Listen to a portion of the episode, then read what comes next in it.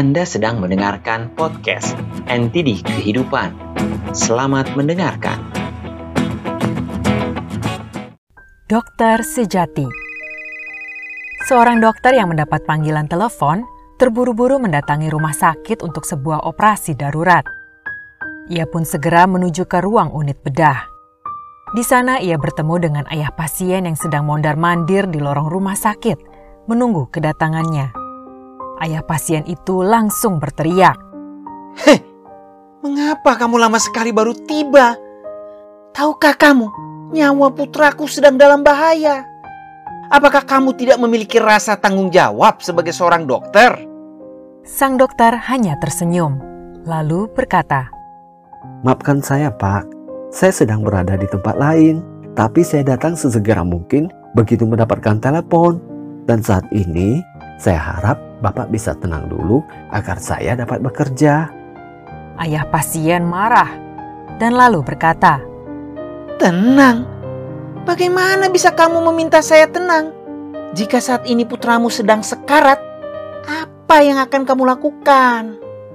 Sambil tersenyum, sang dokter menjawab, Saya akan berdoa dan memohon kepada Tuhan untuk melindungi putra saya.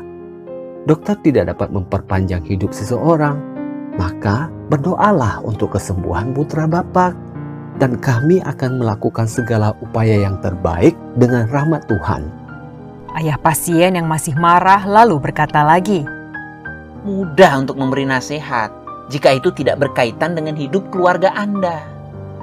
Setelah itu, sang dokter pun pamit dan bergegas menuju ke ruang unit bedah dan meninggalkan ayah pasien yang masih marah tersebut. Operasi itu pun berlangsung dan memakan waktu berjam-jam hingga sang ayah semakin cemas menunggu di ruang tunggu rumah sakit. Akhirnya, operasi pun selesai dan sang dokter langsung menemui ayah pasien. Ia berkata dengan gembira, Bersyukur pak, operasinya berhasil. Putra bapak akan selamat. Jika bapak nanti ada pertanyaan, tolong ditanyakan pada perawat ini. Sebelum sang ayah sempat menanyakan apa pun, dokter sudah terburu-buru pergi. Ayah pasien yang masih emosi berkata pada si perawat, Mengapa ia begitu sombong? Tidak bisakah ia menunggu sebentar setelah aku menanyakan keadaan putraku? Dengan suara lembut, perawat berkata padanya, Maafkan dokter, Bapak. Sebenarnya dia tidak berniat demikian.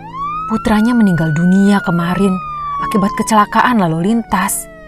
Saat kami memanggilnya datang untuk operasi putramu, sebenarnya ia sedang berada di pemakaman putranya. Dan sekarang ia harus bergegas pergi untuk menyelesaikannya. Jangan pernah menilai dan menghakimi seseorang bila Anda tidak tahu seperti apa masalah sebenarnya yang sedang dihadapi orang tersebut. Belajarlah untuk selalu bersikap baik dan ramah pada siapa saja, karena ada kalanya satu perbuatan baik yang kita lakukan akan dapat membuat perbedaan besar bagi orang lain.